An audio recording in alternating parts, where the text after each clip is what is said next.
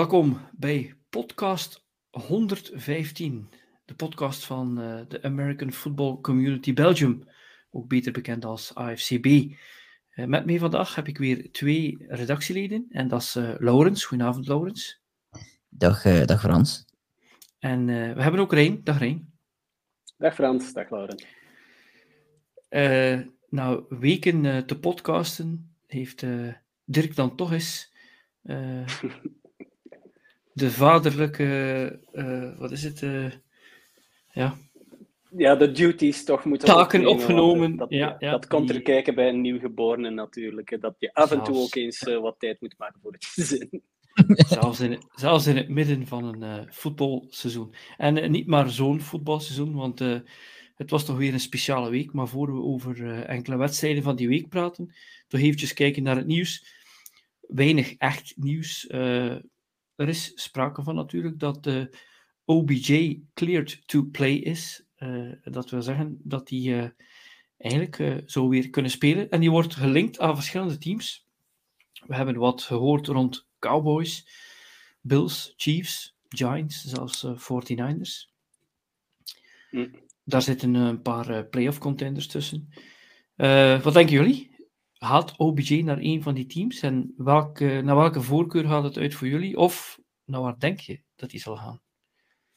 Mm, ja, ik denk dat het ook van afhangt welk team dat er cap space heeft om, uh, om OBJ op zijn roster te zetten. En dan, uh, als ik kijk naar de teams die daar het, het, het beste uitkomen, dan uh, heb je de Cowboys en de 49ers. En als ik een van die twee teams zou moeten kiezen, dan zou ik toch, even, dan zou ik toch naar de Cowboys kijken. Um, omdat die vooral aan het werken zijn met een CD Lamb natuurlijk. Um, ze, ze leunen iets meer naar de run met Tony Pollard en Zeke Elliott. Dat hebben we ook tegen de Green Bay Packers gezien.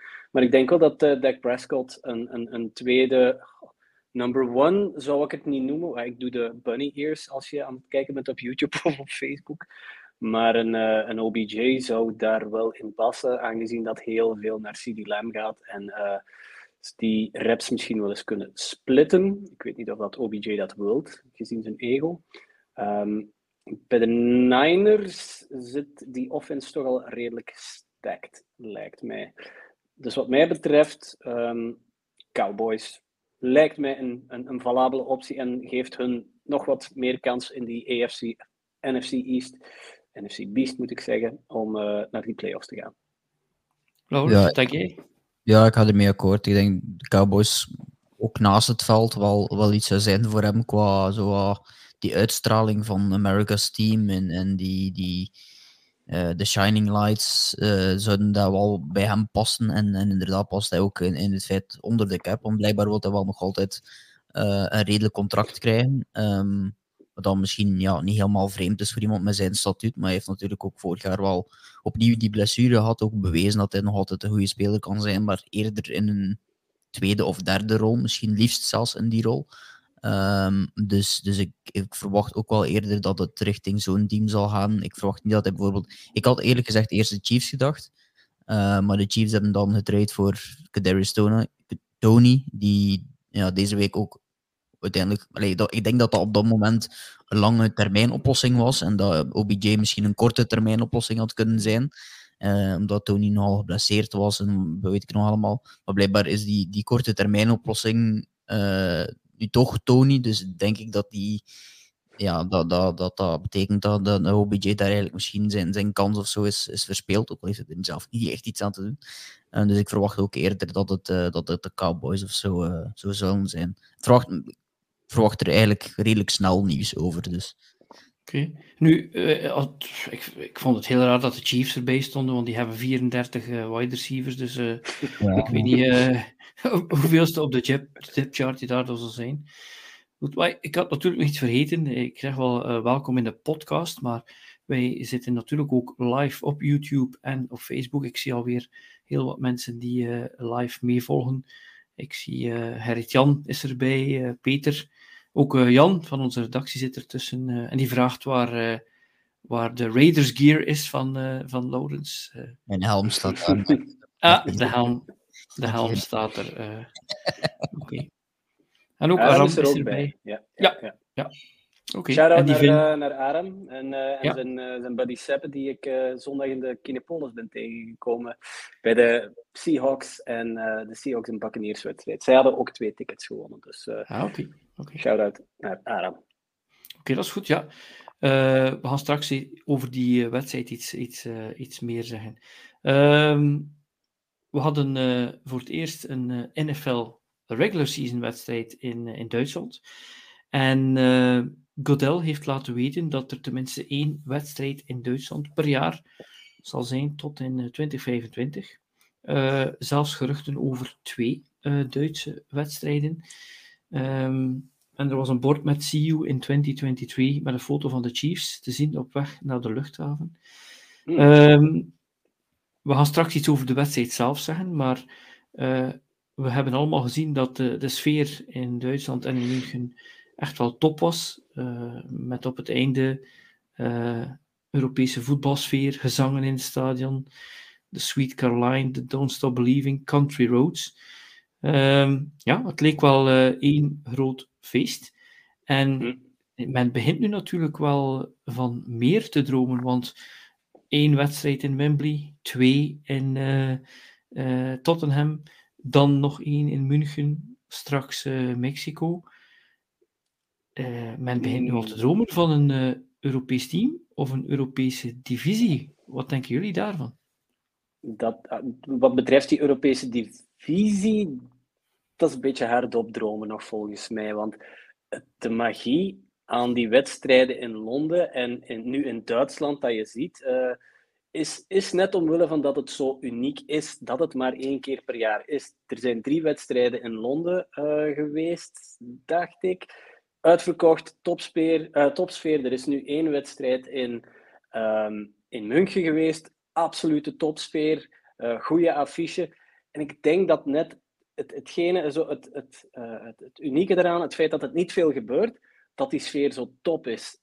Of je dat elke week kan, kan, kan creëren, daar heb ik mijn twijfels bij. Omwille van dat je ook, um, je, je, je ontbreekt een klein beetje de voetbalcultuur hier in Europa. Die, die is er, maar die is volgens mij niet groot genoeg om elke week een stadion vol te steken met fans van een bepaalde team. Je moet dan een nieuwe divisie creëren, nieuwe fans creëren, terwijl dat heel veel NFL-fans al een team hebben en supporteren voor een bepaald team.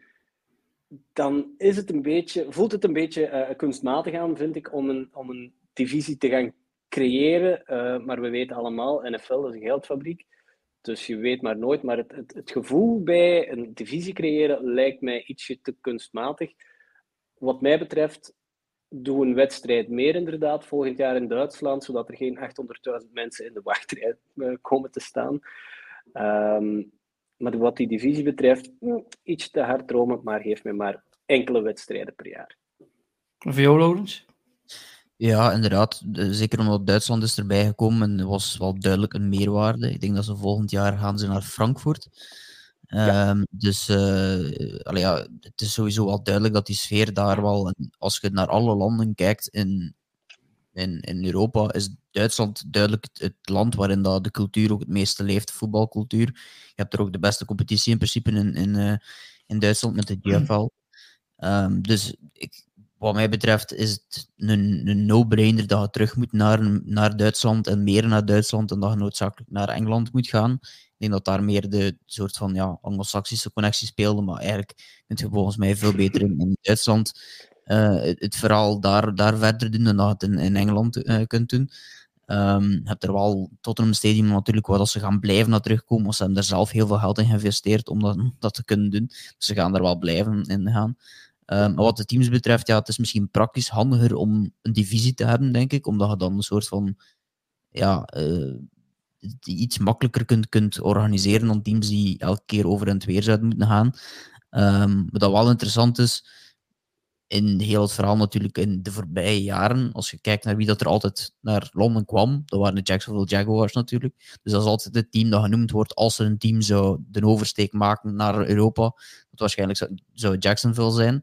Niet alleen omdat gewoon, die hebben al vaak de oversteek genomen, maar als je kijkt naar de eigenaar, Shad Khan, voordat hij de Jacksonville Jaguars gekocht heeft, eigenlijk, of was hij eigenlijk ook een van de kandidaten om de toen nog St. Louis Rams uh, op te kopen. Maar toen heeft Stan Kroenke, die ook met Arsenal trouwens uh, te doen heeft, en die heeft toen, uh, die heeft toen het bod gewonnen. Heeft, heeft toen enkele eigenlijk jaren daarna de Rams verhuisd naar St. Louis. En dat was toen um, van St. Louis naar Los Angeles. Dat was toen eigenlijk ook al het plan van uh, Shad Khan, die een van de rijkere eigenaars ook is in, in, uh, in de NFL, om een franchise op te kopen, om dat eigenlijk te laten doorgroeien en naar een grotere markt te laten verhuizen. En natuurlijk is Europa een grotere markt dan Jacksonville, Florida.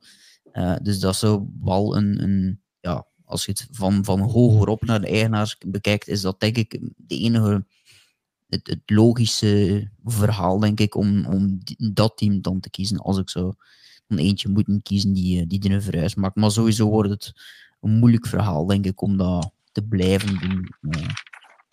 Dus. Mijn, mijn vraag is natuurlijk van uh, hoe lang kan je het blijven tegenhouden? Uh, als er één land is die uh, een, een NFL-team zou moeten krijgen, is het wel in Duitsland. En dat is gewoon ja. omdat zij het al bewezen hebben. De NFL Europe, die dan ja, ja. in verschillende vormen heeft bestaan, maar die dan op een bepaald moment teams van Barcelona, van Londen, van Schotland, van en van overal, die eindigden dan eigenlijk allemaal als, of Amsterdam Admirals, die werden bijna allemaal Duitse teams. Het werd eigenlijk een soort NFL uh, Germany op een bepaald moment. Ja. En daar zaten, ja, daar zaten ook regelmatig 40.000 man gewoon voor een Frankfurt Galaxy of een Berlin Thunder of noem maar op. Dus ik, ik heb echt wel de indruk dat Duitsland de uh, way to go zou zijn.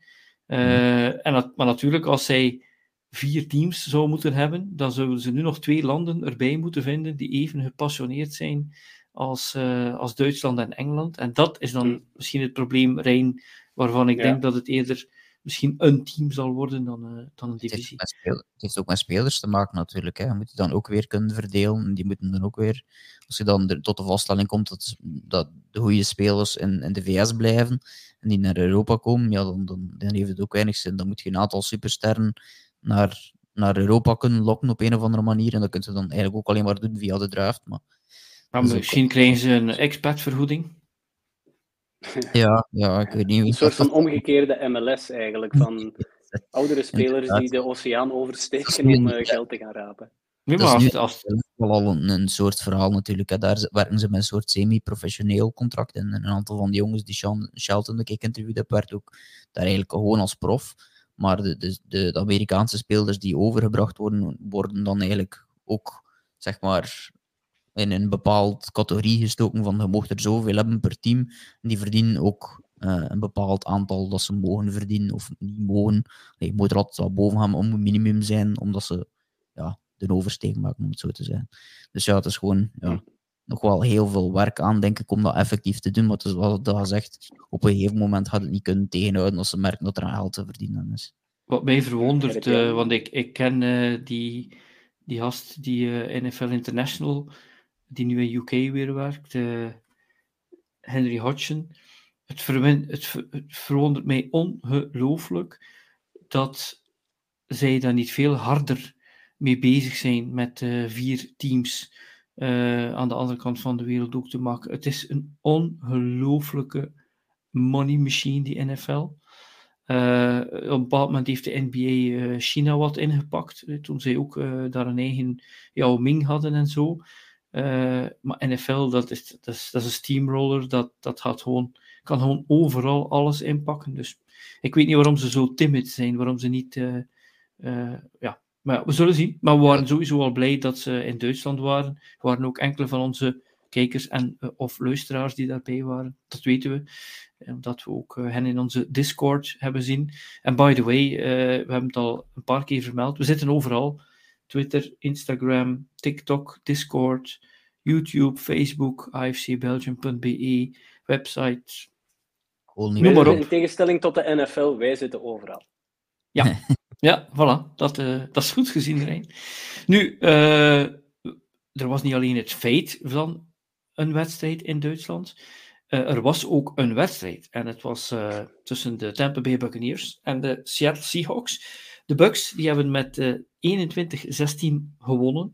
En we kunnen het eigenlijk wel een klassiek, klassieke Brady-game noemen. de O-line die deed wat ze moesten doen. En Brady die kon een paar middle range en short passes gooien. En uiteindelijk haalden ze de buit binnen. Um, Rijn, wat betekende die wedstrijd voor jou?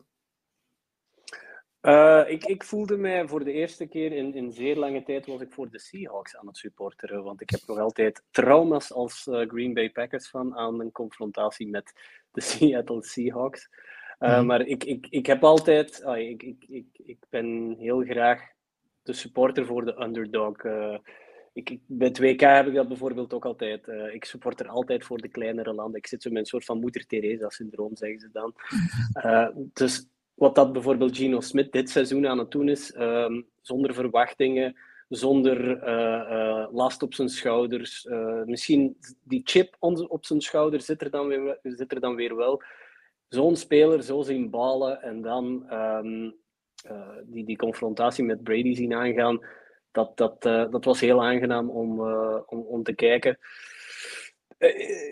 Je zag wel dat Gino Smith natuurlijk geen topper is. Hij, is een heel, hij heeft zich getoond als een heel degelijke quarterback dit seizoen. Hij is misschien een klein, klein beetje van die hele kleine sokkel gevallen in die wedstrijd in Duitsland. Omdat je hem af en toe toch een beetje flustered zag worden. Um, over de, de, de, de defense van de Seahawks die de laatste weken uh, is rechtop gestaan. Moest White, de, de running back van de, um, van de Tampa Bay Buccaneers, regelmatiger doorzien gaan. Dus dat was ook een beetje een, een, een domper op de feestvreugde voor de Seahawks-fans. Uh, maar Frans, je hebt het zelf al uh, goed uitgelegd. Uh, een, een, klassieke wedstrijd waar Brady heel veel de tijd kreeg om weer al te kiezen naar wie hij gooide. Want moeilijke ballen heeft hij niet moeten ehm, lopen. Maar um, dan had hij die ene play waar hij als um, receiver plots een rol moest spelen. Het, het, deed me denken aan een, aan een play in de Super Bowl tegen de Philadelphia Eagles, waar dat hij die bal door zijn handen liet glippen. En dan vraag ik mij af, wie en waarom call je die play? De... Ja, uh, is, ja, zeg maar hoor, Lawrence. Ja, ik, ik denk dat ik daar een hele goede uitleg voor heb. Ik, ik had het de indruk... Um, ik had de eerste keer al de indruk, ik heb het nadien op de wedstrijd nog een keer bekeken, uh, want wij zaten in, zowel Rijn als ik, wij zaten in, uh, in de Kinepolis te kijken naar, uh, naar die wedstrijd.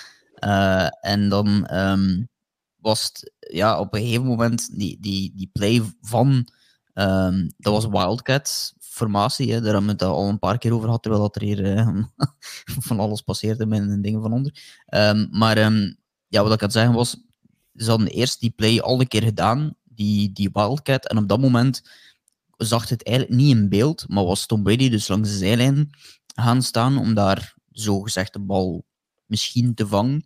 Maar je zag ook Tariq Woolen, die een van die betere um, cornerbacks als ze daar hebben gedraft dit jaar, uh, de rookie.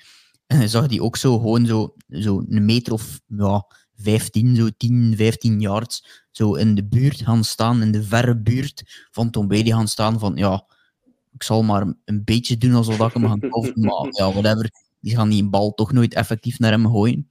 En dan was het ook gewoon een run, een sweep eigenlijk naar de andere kant. En was het, ik weet niet wie het juist was die een aantal yards uh, oppikte, maar het was alles is niet heel veel. En ik denk vijf plays later, dus gewoon exact hetzelfde.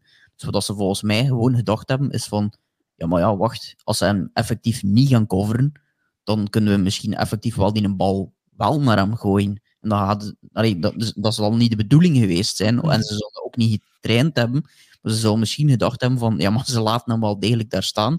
Dus we kunnen het misschien wel een keer proberen.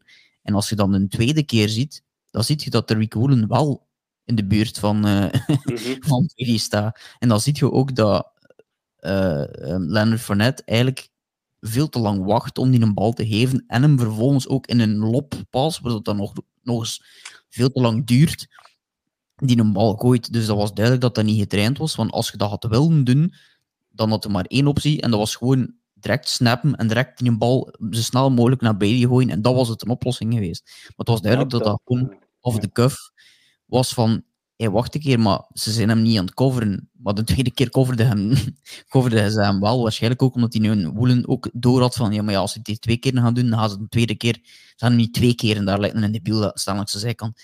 Dus ja, en hij had natuurlijk wel geluk dat hij wegschoof, maar uh, want Veld was niet... Uh... Ja, ik denk iemand van 45 jaar uh, tegen uh, topatleten sturen en dan verwachten dat daar iets gaat uitkomen. Ja, alleen mensen die, die Brady uh, volledig heilig hebben verklaard, die gaan erin geloven dat hij, dat hij ook dat kan. Uh, dat hij daar ook uh, van water wijn kan maken. Maar, ja, maar nee. de manier waarop dat Fournette in een bal gooit, was het echt alsof dat Tom Brady Tariq Woolen moest mossen, echt. Hè? Die een bal boven hem moest gaan halen. En, en alsof dat daar een... Ja, ja, ik moet altijd denken, elke keer als, als die referentie komt van, van die pass naar Brady, moet ik elke keer terugdenken aan Bill Burr comedian die zei van de, dat moment waarop dat, um, Tom Brady probeert in een bal te vangen in de Super Bowl dan in der tijd. Dat lijkt nog altijd alsof dat er iemand een lijk uit een rijdende auto gegooid heeft. Ik moet altijd, ik moet altijd aan die referentie denken. Die handjes. Ja, ja, en ik kan, ik kan sindsdien nooit niet meer aan, aan dat beeld ontsnappen van iemand die Tom Brady uit de rijdende auto aan het gooien is op dat moment. en dat deed me er natuurlijk direct aan denken. Nu, uh, die, ja, nu in die wedstrijd, uh, het leek spijtig te zijn voor de fans in München. Uh, uh, aanvankelijk leek het een soort walkover van de Bucks. Maar uiteindelijk, er was nog een onderschepping van Brady. Dat maakte het nog wel wat spannender. Wat je zegt van Gino Smith, Rijn, het is zo... ik had al eerder aangegeven, ja, die komt misschien weer down to earth. In principe speelde hij in die wedstrijd niet zo slecht. In de eerste helft was iets minder, denk ook een fumble. Maar dan in de tweede helft heeft hij ook wel echt wel een goede tweede helft gespeeld. Dus het was niet dat Gino volledig door de mand viel. Uh, nee. De vraag die ik ook nog heb bij deze wedstrijd is: uh, wie gaat er de Tampa Bay Buccaneers nu nog uitdagen om hen af te houden van de division winst? Ja, de Falcons hadden dit het weekend kunnen doen, maar ze hebben het ook nagelaten. Dus uh, ja, het was voornamelijk... Ik vrees niemand. Nee. Ja, nee, inderdaad, ja. En zolang de Saints die... op een of andere manier denken dat aan die Dalton het antwoord is, gaat dat ook niet gebeuren. Dus uh, ja, een ander team. Hè. Maar goed, ja, het is, het is een, een duidelijke richting, richting de playoffs. En als ze stapje per stapje nu weer, uh, weer vooruit kunnen gaan, want de defense was beter, ze slaagden eindelijk in om een keer de, de bal te lopen in een, in een wedstrijd. en dan nog niet eens met. Um, Leonard Fournette, maar eerder met die andere, met Rashad White. White. En daarna nog uh, Van, omdat, White, omdat Fournette geblesseerd bleek. Dus als ze zo stapjes en stapjes vooruit kunnen zetten, en ze hebben eigenlijk de deur al wagenwijd open door in de divisie richting de playoffs, dan kan het misschien wel nog altijd zo'n ambetant team zijn om tegen te komen in de playoffs. Niet, niet minst omdat daar nog altijd om bij staat. Ja, we gaan er straks ja, nog iets over zeggen, over die de playoff picture. Hey, what if the season ended today? Maar als de Buccaneers uh, vandaag in de playoffs zouden zijn, dan is het tegen de Giants, waar ze kunnen tegenwinnen. En dan tegen de winnaar van uh, Seahawks uh, Cowboys. Stel dat dat Seahawks zijn, dan spelen ze weer tegen dit team waar ze net van gewonnen hebben. Dus, dus ik bedoel, hou het maar in de gaten. Als in de volgende weken je de vorm van dat team of een team weinig blessures heeft, ja, hou, hou je maar vast. Hè. we hebben nog een een stukje Brady te goed dan in, in de playoffs. Gerrit Jan zegt daar ook nog iets, uh, wat dat inderdaad ook nog uh, niet vermeld is. En hij kreeg een tripping penalty tegen toen als hij op zijn bek ging, uh, Brady. Ja, dat was inderdaad... een, een schot. ja. 15 jaar dat zijn benen. Dat was inderdaad een, een mooie kick die hij dan nog boven haalde. Goed, de wedstrijd in Duitsland die hebben we even aangehaald, omdat die natuurlijk historisch was als eerste regular season professionele wedstrijd van de NFL.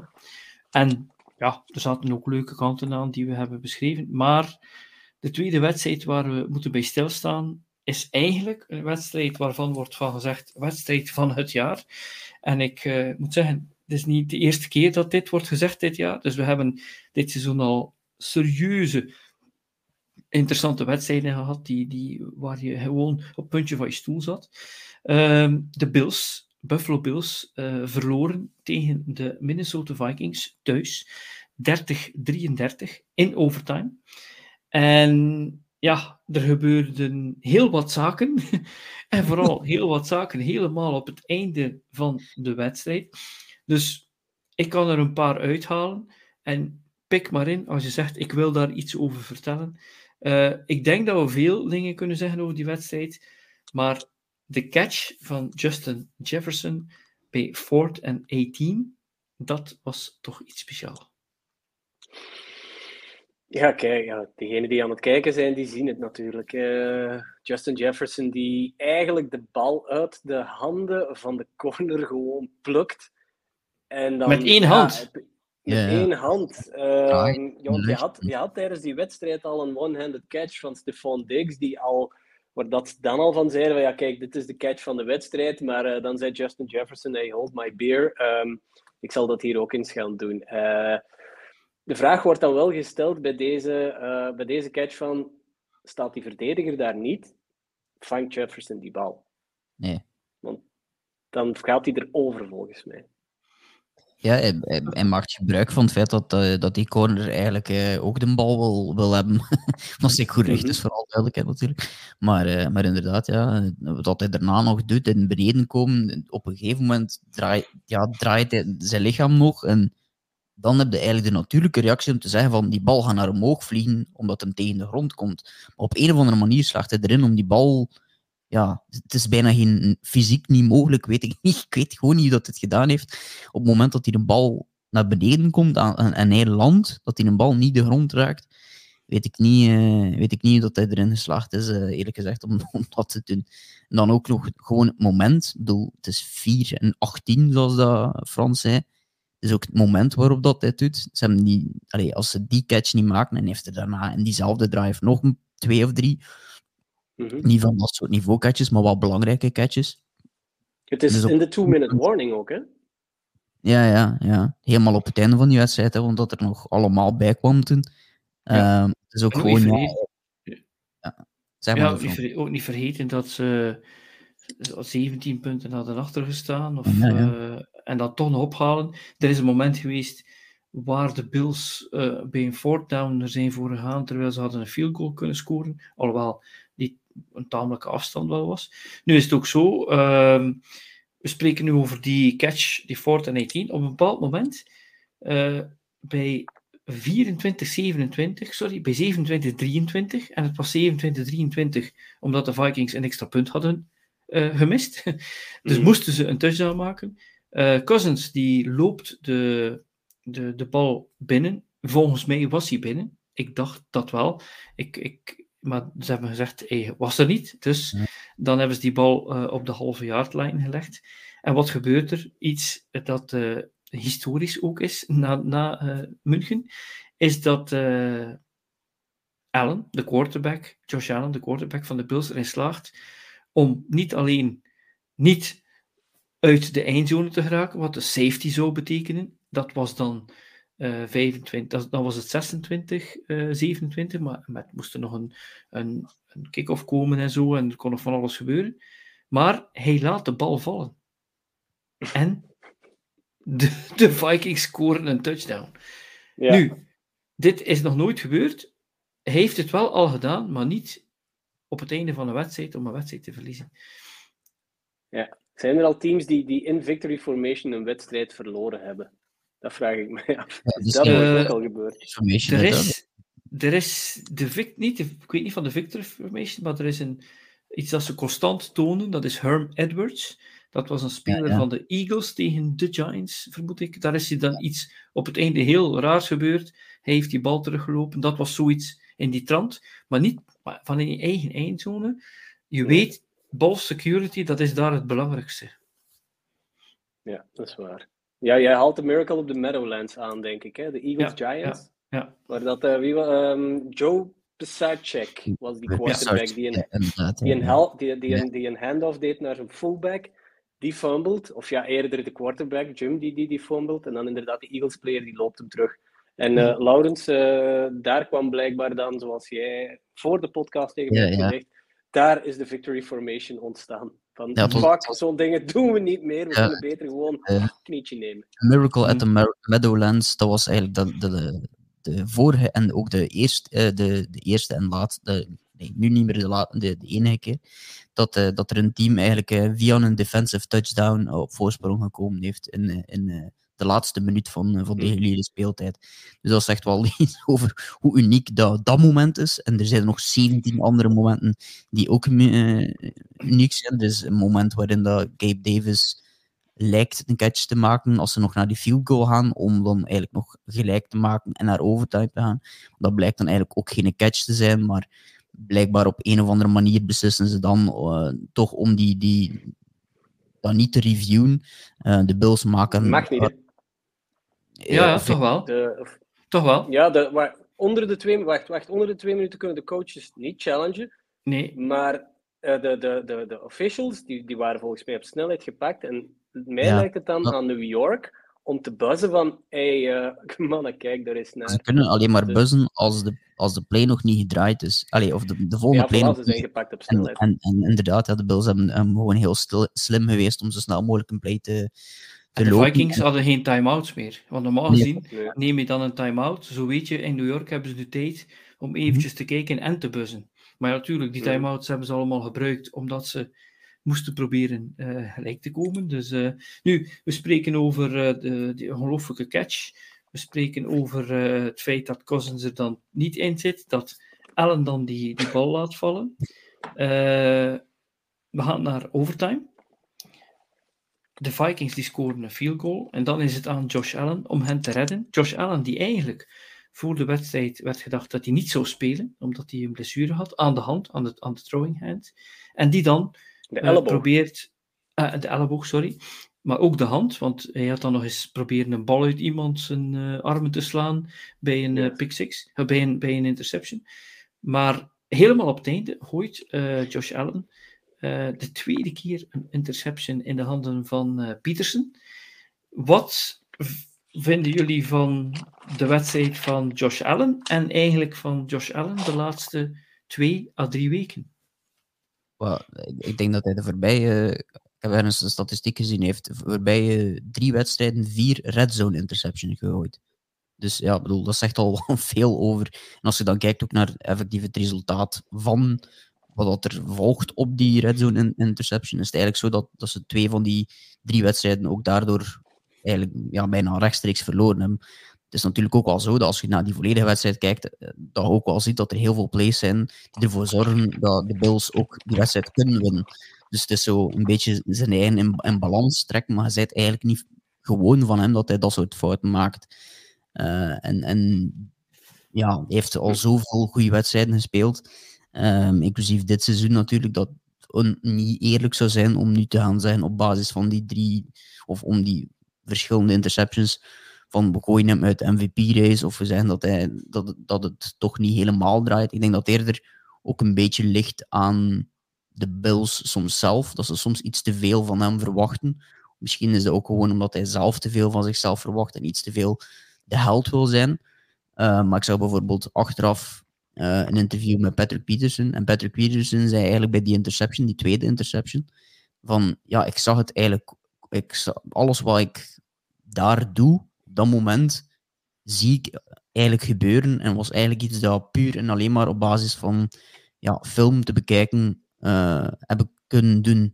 En dat is natuurlijk ook wel iets dat bij de Bills zelf ook mocht voor een stuk, kan niet zeggen verwijten of zo, maar ook wel aan zelfscouting doen. Nu van als spelers erin slagen om eigenlijk interceptions te doen op een cruciaal moment, op basis van iets wat ze eigenlijk zien op tape, wil dat zijn dat dat al heel vaak terugkeert en dat het eigenlijk een beetje te voorspelbaar wordt. En dat teams, of spelers in dit geval, Patrick Peterson is natuurlijk iemand die al lang meegaat en dat soort tendencies misschien iets sneller zal doorzien als een rookie. Maar toch ook wel zelfscouting doen van we moeten misschien wel een aantal dingen anders doen, want ze beginnen door te hebben wat dat we doen. En zeker in de red zone, blijkbaar, als het meerdere keren gebeurt, dan heeft dat er waarschijnlijk ook mee te maken dat ze misschien iets te vaak dezelfde dingen doen die nu doorzien worden door, uh, door de tegenstander. Dus misschien dat ze wel een aantal zaken anders aanpakken, maar enkel Josh Allen aansmeren zou niet fair zijn, denk ik. Um, ja, ja, maar zijn, eh, die, die, die tweede red zone interception in overtime, die komt op een second and ten Waarom doe je op Hm. second and ten zo'n bal? Ja, die bal die, die, die werd gewoon knal in het midden van de endzone eh, gegooid. En waar dat eh, bij Piet stond, ik, die, ik, ik zag daar geen receiver eigenlijk van, van, van, van de Bills staan. Ehm, er, er wordt gezegd dat er de laatste weken iets scheelt aan de reads van, van, ehm, van, van Josh Allen. Daar komt dan ook nog eens die hand-elleboog-blessure, een ULC of UCL-blessure is het. Komt daar ook nog eens bij kijken, want hij heeft tijdens die wedstrijd heeft hij op de mat gelegen, dat hij effectief met zijn handen naar zijn hoofd ging. En eh, dat, de, dat de, de, presentatoren zeiden van, ja kijk, hier zie je het resultaat eh, van het, het starten van een Josh Allen in deze wedstrijd. Ehm, want hij is ook weer de, de, de leading rusher geweest tijdens die wedstrijd. Hè. Ehm, hij heeft, eh, ik denk, drie, drie, vier keren dat hij het op een loop is gezet en dat hij met zijn, met zijn hoofd eerst gewoon ging en dat hij het contact opzocht. Dus ehm, ja, het is een tank, Josh Allen. Ehm, je wilt hem niet tegenkomen. Vraag maar aan die verdediger van de Rams daar. Ehm, maar maar eh, eh, hij neemt heel veel risico's met zijn gezondheid. En je hebt hem nodig naar de playoffs. Nu dat ze een klein beetje in een slump zitten, je hebt hem nodig. Je hebt in Case Keenum waarschijnlijk de, de, de, de beste backup van heel de, ehm, van, van, van heel de NFL waarschijnlijk. Dat dat dan ook nog eens een leuke revenge parlay geweest tegen de Vikings. Want Case Keenum komt van, eh, hij heeft bij de Vikings gespeeld. Ehm, maar ik vind wel dat de, de Buffalo Bills hebben laten zien van kijk, we hebben ook nog een goede run game. Want niet vergeten dat Devin Singletary, die een beetje werd afgeschreven, zeker in fantasy eh, wereldjes, dat hij twee touchdowns heeft gescoord. En dat een, ehm, hoe heet die rookie? Ehm, Mos? Nee, Koek, Cook, Cook. ja. Oei, oei, maar dat, dat leek me. broer van. Nee, Broer van, broer van. Alsjeblieft, die heeft, het, eh, die heeft het ook best wel goed gedaan. Ah, goed, vijf carries, 22 yards, maar, maar eh, hij heeft toch wel... ik, heb, ik herinner mij een paar leuke plays van hem. Ehm, dus, dus het is... eh, ik vind dat Josh Allen een beetje moet oppassen met zijn gezondheid vooral. En ehm, we zullen wel zien, want ze hebben hem nodig. Je hebt Case Keenum. En, en ik, had eigenlijk, ik, ik had die eigenlijk verwacht om te starten. Maar Josh Allen was sowieso al een beetje flustered. Want eh, eh, de, de Vikings wonnen de TOS. En ik denk dat hij dan Vietnam flashbacks kreeg naar die wedstrijd tegen de Chiefs vorig jaar. Waar dat de Chiefs ook de TOS gewonnen hadden. Ja, wat je ook ziet is dat. eh, ik vond het wel heel frappant dat hij zei. uh, uh, I have to be better. Het is on my shoulders. Ik moet dit, Mm. ik moet dat. En ik denk dat hij eigenlijk een beetje zelf is beginnen geloven. Dus als je de wedstrijden zag waarin het heel goed ging. En waarin het inderdaad allemaal rond hem draaide. Run, pass, eh, alles dat je maar kan denken. Ik denk dat hij zelf er een beetje is in begin- beginnen geloven. En hij doet eigenlijk iets wat normaal gezien bij eerste of tweedejaars quarterbacks veel voorkomt. En dat is het allemaal zelf proberen op te lossen en het allemaal zelf proberen te doen. Terwijl hij heeft top receivers, hij heeft goede running backs, hij heeft een lane, hij heeft een tight end, hij heeft een defense die ook goed is. Dus het hoeft niet allemaal op zijn schouders te zijn, te, te zitten. En uh, uiteindelijk, ja, uh, als je natuurlijk interceptions gooit op rare momenten, dat is wel een probleem. En uh, ik denk dat ze daar toch uh, gaan moeten rekening mee houden. Goed, uh, de wedstrijd van het jaar. Ik kan mensen alleen maar aanraden naar de volledige wedstrijd, de 40 minuten of de samenvatting eens te kijken, want ik, ik weet zelfs niet hoe je daar een samenvatting kan van maken, van wat er daar allemaal is gebeurd. Ik heb ook uh, 40 minuten. Ja, ja, maar ja, in vijf minuten, kreeg je, in vijf minuten kreeg je zelfs de laatste twee minuten niet. Nee. Uh, dus ja, allen daarheen zou ik zeggen.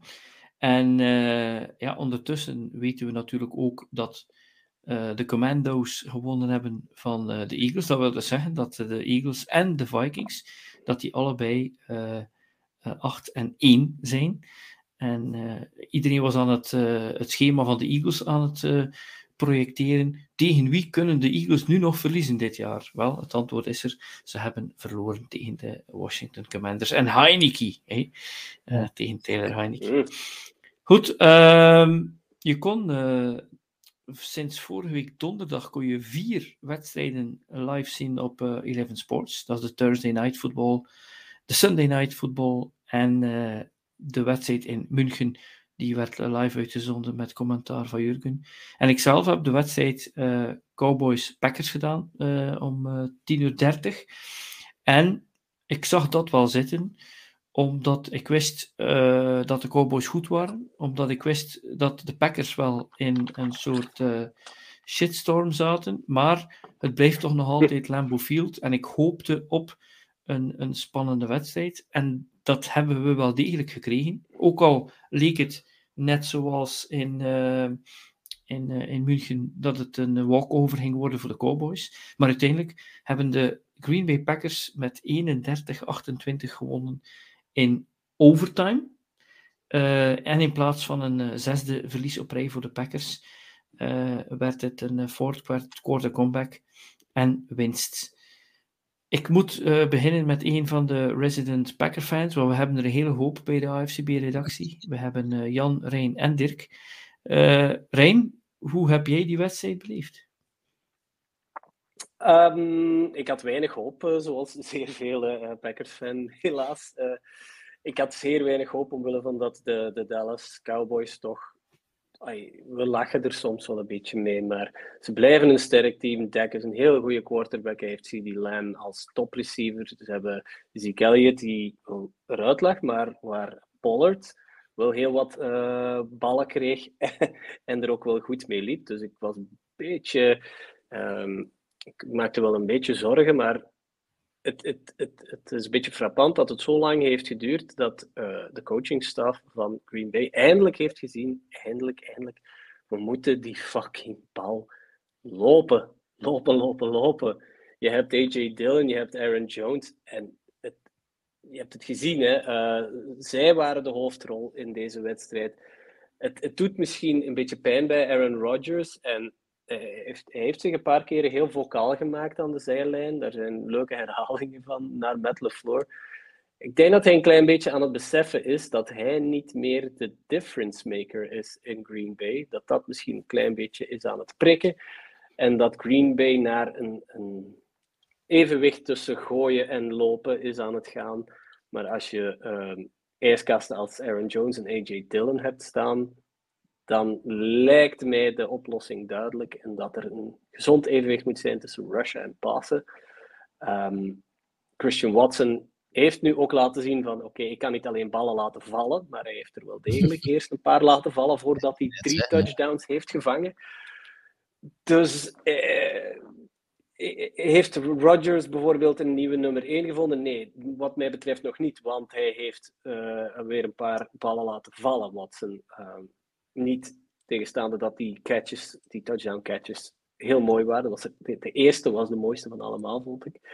Um, creëerde heel goede separation tussen hem en zijn corner.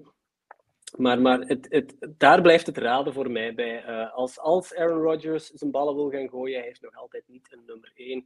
Uh, zoals een Davante Adams, die um, uh, spijt aan het krijgen is dat hij naar de Raiders is gegaan. Want daar zijn ook een paar leuke kranten koppen uh, voor te verzamelen. Maar daarvoor kijk ik naar, uh, naar Laurens. Ja, nu, het is zo, to the victor go the spoils. Hè. De Packers hebben gewonnen. Maar er was nog een ander team, de Cowboys. Uh, CD Lamb, goede wedstrijd. Dak Prescott ook, alhoewel dan die interception naar uh, CD Lamb. Hadden de Lelijk, Cowboys ja. deze wedstrijd eigenlijk mogen verliezen, uh, Laurens? Uh, ik moet zeggen dat ik deze wedstrijd iets minder goed bekeken heb dan, dan de andere. Uh, dus kan er minder Ik denk dat jullie dat beter kunnen beoordelen dan, uh, dan mij. Maar ja, het is alles wel zo. Die, die, die run game, het was wel het ideale moment om dat te doen. Uh, in principe, de Cowboys hebben een probleem om de run echt goed te stoppen. Ze hebben wel een heel goede defense, maar dat is hetgene waar ze net minder goed in waren. Dus het was misschien het ideale moment om uh, een keer in die run te leunen. Wat de wedstrijd zelf betreft, of, of wat de, uitslag zelf betreft, het is gewoon spijtig voor, voor de Cowboys dat op het moment dat je dat de Eagles ook een dag later verliezen, dat je zelf dan, uh, dan zelf ook niet wint. Het ene team dat in principe misschien had moeten winnen, inderdaad. Um, maar, maar ja, het het, wat voor mij, hetgene wat mij een, een, een, beetje, als het dan over die receivers gaat, wat ik me in frustreer in die zin, is het feit dat je inderdaad nu Christian Watson drie touchdowns ziet scoren, maar ik, ik vraag me nog altijd af van, hoe komt het dat hij er nu pas doorkomt Ehm, en dan blijf ik altijd terugdenken aan het feit dat, dat uh, Rodgers eigenlijk niks meegedaan heeft van de off-season activiteiten. En eigenlijk alle kansen in het offseason heeft laten liggen om met al die jonge receivers. Het is niet alleen Watson, het is ook nog Dobbs. Uh, het is ook nog uh, die andere, is het Toure of zo, zeker? Ja, uh, eigenlijk drie, drie, rookie receivers om daarmee eigenlijk al te trainen en de eerste reps te doen. Heeft hij allemaal niet gedaan, omdat hij meer moeilijk aan het doen was met, met zijn contract. Um, en dan denk ik van, ja, heb je nu eigenlijk gewoon tien weken tijd verspild om daar nu die chemistry mee te bouwen en nu tot de vaststelling te komen dat je daar wel degelijk iets mee zijt. En heb je dat gewoon ja, zelf in de hand gewerkt? Of is het gewoon ja, nu, nu een soort van samenloop van omstandigheden? Dat kan misschien ook. Maar dat, dat was hetgene dat ik vooral dacht toen ik zag van Christian Watson, drie touchdowns. dacht ik vooral, ja, waarom kon dit niet vroeger? Oké, er waren een aantal blessures met Watson. Maar, maar dat is hetgene dat mij zo'n beetje stak van, ja, en misschien heb je het wel zelf ook voor een stuk in de hand gewerkt dat het nu pas door aan het komen is hem. Oké, wat je ook ziet is uh, de Packers, uh, die staan nu 4 en 6 in, uh, in hun divisie. Ja, ik denk dat ze het moeilijk nog gaan kunnen overbruggen naar de Vikings, die 8 en 1 zijn. Wat er natuurlijk heel spijtig is voor hen, is dat de 49ers gewonnen hebben tegen de Chargers. die staan nu 5 en 4. Want anders, ja, nog een paar goede wedstrijden. En uh, dan konden de Packers via de backdoor er nog inkomen. We weten dat de NFC niet de sterkste divisie is. Met wat je nu gezien, hebben eh, gezien hebt in die wedstrijdrein, denk je dat zij nog in die playoffs kunnen geraken voor een wildcard? Of denk je van nee, we hebben nu geluk gehad? Ik, ik, ik mis consistentie dit seizoen, dus ik vraag me af wat dat we met dit team zouden gaan zoeken in de playoffs. Um, Oké, je kan misschien in die playoffs belanden uh, op een fluky manier en er dan doorkomen. Bijvoorbeeld de, uh, de laatste keer dat de Giants de Super Bowl hebben gewonnen, die een regular season stonk ook langs alle kanten en ze winnen het dan. Um, maar dat zijn van die, van die, uh, van die outliers. Um, dus dat is meer een, een, een uh, een uitzondering dan een regel. Dus wat mij betreft horen zij nog bij de beste, um, bij de beste acht ploegen in de NFC. Ik, ik, daar heb ik het zelf moeilijk mee om, om het te zeggen. Um, geraken ze nog in die playoffs? Ja, maar dat gaat tot de laatste week duren volgens mij. Maar dan um, moet Rodgers echt wel die klik maken en, en beseffen van ik ben hier niet meer de, de, de, de moneyman. Ik ben hier, ja, hij is wel de moneyman. Ik ben hier niet de verschilmaker. Ik ben niet degene waar ze de wedstrijden mee gaan kunnen winnen. Als hij dat doet, als hij die mentale klik kan maken, ja, dan zie ik dat nog wel gebeuren. Uh, maar verdienen ze het op dit moment? nee. Dat niet. Daarmee, daarvoor mis ik te veel consistentie en kwaliteit in de wedstrijden. Ja, Jan zegt ook nog in de comments, ze spelen ook nog tegen de Vikes en de Eagles. Speel nog tegen twee uh, ja, topteams in de NFC. Het probleem is dat ja, het verschil is nog altijd veel te groot. Hè. Zoals al die twee wedstrijden. Mm. Het is nog altijd drie of vier wedstrijden verschil. Meer zelfs, veel meer zelfs. Nee, wat, zijn ze nu? 4 en 6. En was, ja, nee, dan, dan, dan nog. Dan moet al serieus mislopen, denk ik. Um, dus ja, het, het, wordt inderdaad de backdoor uh, zoeken, hopen dat daar ergens nog een kiertje staat en hopen dat er vooral niet, nog een paar anderen die er naartoe aan het lopen zijn, ook aan uh, ja, beginnen ergens te struikelen. Dus, dus dan moet je ook nog uh, iets op de rest hopen. dus, dus ja, dat hadden ze sowieso voor het seizoen niet gedacht. Dus, maar, maar ja, dit is alleszins een stap in de goede richting. maar het is zoals dat gezegd, erin, ze zijn heel ja, ja, onregelmatig in die stappen zetten. Dus het kan even goed zijn dat ze er weer twee stappen terugzetten. Dus dat uh, wordt moeilijk, denk ik. Oké, daarmee uh, sluiten we ja, onze bespreking van uh, de wedstrijden af. Ik ga de fakkel overgeven aan Rijn, als ik mag, voor de verder verloop van de podcast. Want we hebben nog enkele andere talking points, points. Sorry. Uh, dus ik zou zeggen, jongens, uh, ga er maar op los. En uh, ik zie of hoor jullie waarschijnlijk ook volgende week. Ja, Frans. Dag. dat was uh, best wel uh, onverwacht eigenlijk. Hij heeft het aangekondigd dat hij dat ging doen. Maar dat hij dan zegt van ja, Rijn, ik ga de ik ga de fakkel aan jou doorgeven voor de rest van de podcast. Oké, goed, dan uh, ik heb het nog gedaan. We hebben het allemaal ja, gedaan. Dan doen we dat gewoon zo. Um, dan zijn we aanbeland bij de, de, bij de playoff picture van uh, ja. als vandaag nu de competitie zou stoppen. Um, hoe zou die playoffs er dan uitzien? En dan gaan we eerst eens kijken naar, um, naar de AFC. Hè, want we hebben nu al eventjes over de NFC gesproken.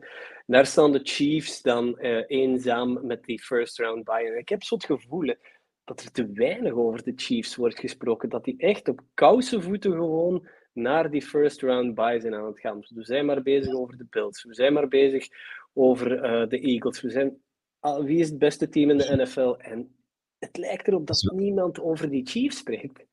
Ja, weet je wat er gek is? Ik zie dat nu pas, dat valt me nu pas op.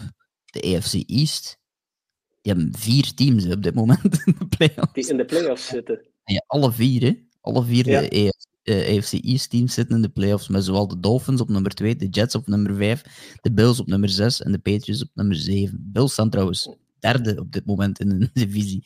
Uh, ja, dus ja, dat is wel straf. Ze hebben nu één wedstrijd verloren en ze hebben meteen ook vijf plekken verloren. Want ze kwamen van uh, de tweede seed en ze gaan nu naar de, mhm. de zesde seed.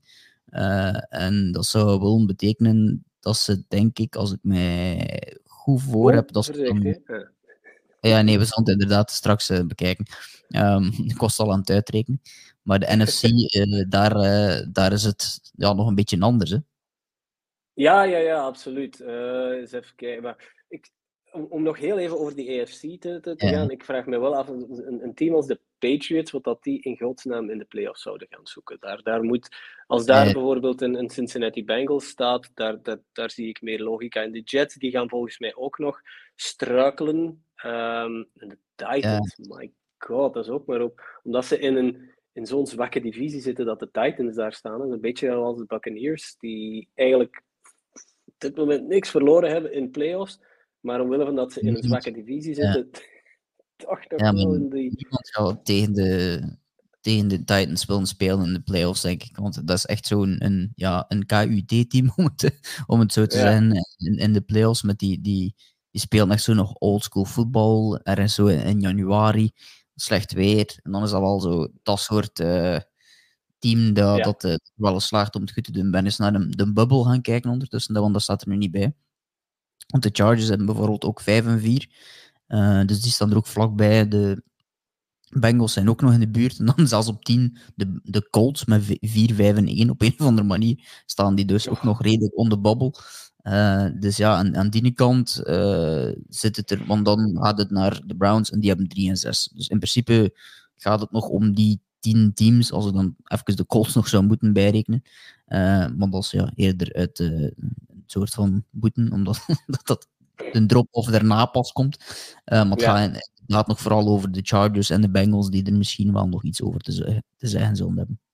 Ja, en dan in de NFC staan de Eagles. Uh, ik wou bijna zeggen, ze staan eenzaam aan de top, maar de Vikings zijn er ondertussen al uh, naast gekropen. Die hebben, als de competitie vandaag zou eindigen, hebben die hun first round bye. En um, de on, het onverwachte team daar uh, voor mij is toch de New York Giants. Die um, net onder de, ja, en de Seahawks, ja, absoluut eigenlijk ook. Ja, eigenlijk zijn de Seahawks net ietsje meer onverwacht.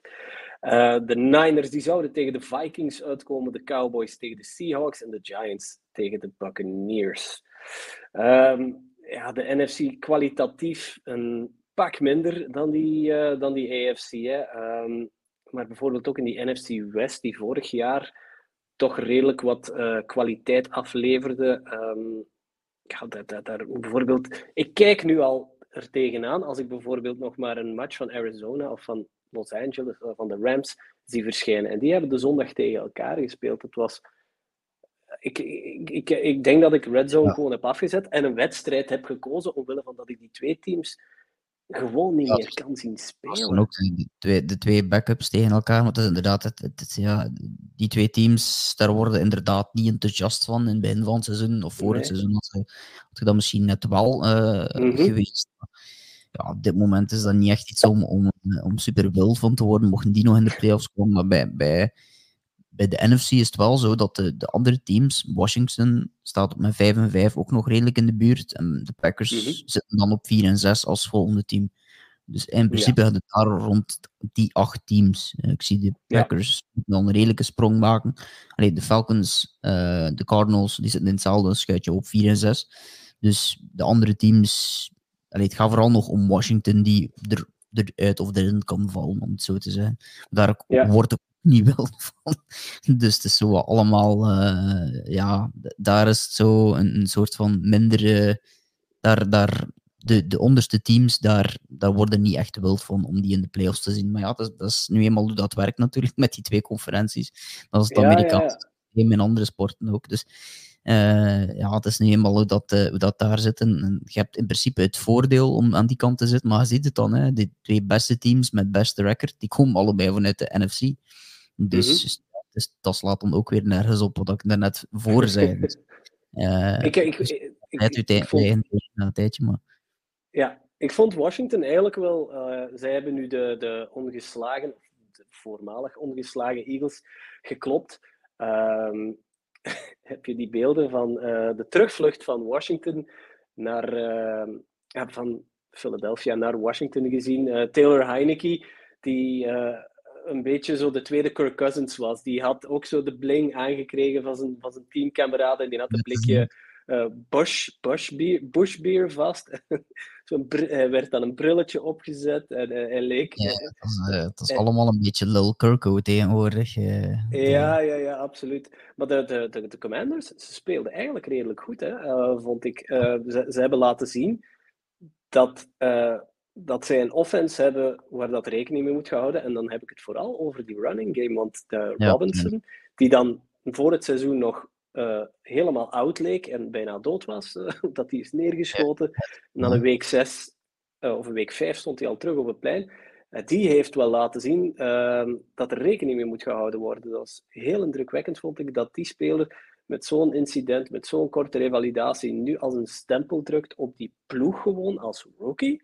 En dan nog eens de, de, de ongeslagen Philadelphia Eagles gewoon even over de knie legt. Want het was vooral dankzij die running game dat ze het hebben gewonnen. Niet zozeer dankzij Taylor Heineke, maar Ja. hij is wel een redelijk solide backup. En dare I say it, een starting quarterback op dit moment in plaats van Carson Wentz. ja, het het ding met hem is, hoeveel minder is hij dan Carson Wentz? Ja. Eh, Ja, ja. en hoeveel Waar, waar is hij zijn, waar is hij zijn, zijn, zijn floor? Ja, ja, zo, ja. Wentz zoveel beter dat je hem ook nog eens vier, vijf keer meer moet betalen. Hè? Want je betaalt Carson Wentz 4, 25 miljoen in het jaar, denk ik, op dit moment. Wat dat op zich niet zo Mhm. superveel meer is in vergelijking met wat sommige andere quarterbacks nu verdienen. Maar Heineken heeft een contract van twee jaar getekend voor wat is het, 8 miljoen of zo, waarvan ja, een aantal miljoen gegarandeerd. De vraag is, als u ja, uw backup in Heineken maar een heel klein beetje minder is en veel minder verdient, ja, dan kunt je wel de rest van je team veel meer ja, ruimte geven om, om andere, ja, op andere plekken betere spelers te halen en die ook te betalen. Dus ik denk dat dat Mhm. ook wel zal meespelen. Ik weet niet wat met Wens nu juist is, want ik vermoed dat hij nog wel even uit is. Eh, dus op een gegeven moment moet hij dan ook weer terugkomen, denk ik. En dan wordt het wel interessant wat ze, wat ze daar ook weer gaan doen met, met hem. Want eh, ja, het is natuurlijk al een aantal keer, als hij nu weer zou verhuizen van het team, dan weet ik zelfs niet of dat het als starter zal zijn. En Heineke heeft, ja, ik denk dit seizoen is zijn laatste, laatste contractjaar. Dus ik, ik ga er ook vanuit dat hij, als hij bij, de, ja, bij het team daar niet kan blijven, dat er wel heel wat interesse zal zijn. Dan ben ik ook wel benieuwd waar dat die interesse vandaan komt en vooral voor welk contract dat dat is als zijnde starter of als backup. Want zeker als backup is het wel een hele handige om te hebben, want hij heeft al meerdere keren bewezen in verschillende momenten, zowel in de playoffs als eh, op het moment dat het niet goed ging met het team, eh, als op het moment dat het goed ging met het team, dat hij er wel staat elke keer. Dus je kunt er Mhm. wel op. Uh, en het is, het is, het is, een, ja, het is zo'n baller. Hè. Gewoon, het is soms met, met en ogen dat aan elkaar hangt. Maar, maar, maar hij fumbelt ook weer. En, en er wel wat carries bij. het, is, het, is, het is soms een beetje een holde de bolder. Maar daarom ben ik er net fan van. Uh, ja. Maar het slaagt er wel in om ook, denk ik, wel een, een leider te zijn. En, en ze slagen er wel in om, om fan te zijn van hem. Uh, ja. Dus ja, dat, dat gaat wel nog interessant worden volgend seizoen, wat er met hem uh, gaat gebeuren. Fuck it, doe, neem, neem die naar Green Bay. Kom, uh, Taylor Heineke, you're welcome. laat, die, laat die maar komen.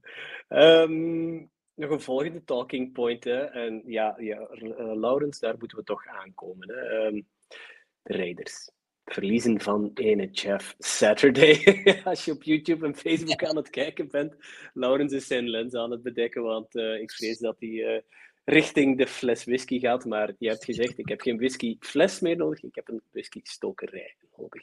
Ja, hey, um, Laurens, is het een is het, wat, wat, wat is het meest verbazende? De winst van Jeff Saturday of het verlies van de Raiders tegen Jeff Saturday? Eh, ja, inderdaad. Ja, dat, is, dat is een hele goede vraag. Um, ik blijf het nog altijd de winst vinden van, van Jeff Saturday, die op een NFL zit, of een, een, een eh, was het, bij ESPN zeker dat hij dat, ESPN zit uh, en dan, dan tijdens de wedstrijd gebeld wordt door de eigenaar en de week daarna die wedstrijd, de volgende wedstrijd van dat team wint. Uh, met een kerel in Box Frazier, die de assistent headcoach was, die de plays aan het callen was. Um, nee, assistent quarterback coach. Ja, ja, ja maar hij, had, ja, hij was ook quality control coach geweest en hij had, was ook assistant uh, to the head coach, wat eigenlijk betekent dat hij zijn was koffie. gaat gaan halen en koffie gaat gaan brengen. En ja, bedoel, zijn auto wassen weet ik het veel, maar, maar ja, dat heeft met voetbal in principe te maken. En de reden waarom dat hij de, de, de, de, de playcaller was, blijkbaar, was een van de redenen was omdat hij de, de, de playsheet uh, uittikte en afprintte voor in de arm van de quarterbacks op die, die dingen. Op een arm. De, voor, arm, de wristband. Ja, en dat hij degene was die eigenlijk van alle coaches de, de, degene was die de plays het beste wisten op offense. Wat dan natuurlijk ook al best weird is dat die de playcaller is. En dat je daar dan van verliest, zijn de Josh McDaniels, dan moet je je schamen en daar is diep onder een steen knijpen.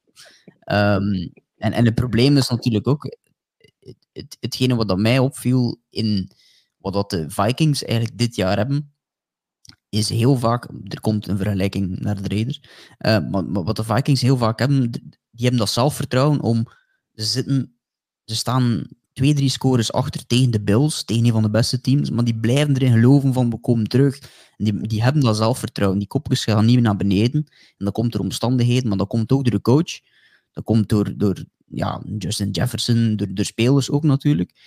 En die, die hebben dat zelfvertrouwen van dit komt wel goed. En bij de Raiders hebben ze van zodra dat... Ze staan ze meerdere keren... Ze ik denk tegen de Jaguars onze 17 punten voor op een gegeven moment. Ze hebben meerdere keren uh, een voorsprong laten glippen. Dus dat is ook gewoon mentaal. En als je dat dan vergelijkt met vorig jaar, was dat net hun sterkte. Die mentale sterkte was een van de grootste redenen waarom er in godsnaam in geslaagd zijn om de playoffs te halen. Want mm eigenlijk aan het seizoen met de headcoach die ontslagen wordt door van alles en nog wat.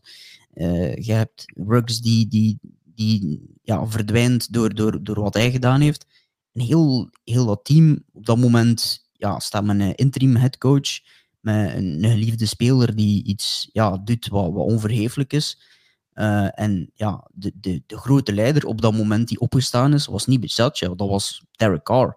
En het feit dat die, dat was de leider en dat was degene die het vertrouwen ja, in dat team heeft gecreëerd en ervoor heeft gezorgd van we gaan nu allemaal dat team zijn en we moeten nu wel, want het is al, al, iedereen tegen, tegen ons. Uh, mm -hmm. en, en daardoor zijn ze boven zichzelf kunnen uitstijgen. En datzelfde team, met weinig andere spelers erbij, zijn nu eigenlijk compleet het tegenovergestelde. Het enige wat ja. veranderd is, is de coach. Dus ja. naar wie anders moet je dan wijzen? De quarterback is er nog. De, ja.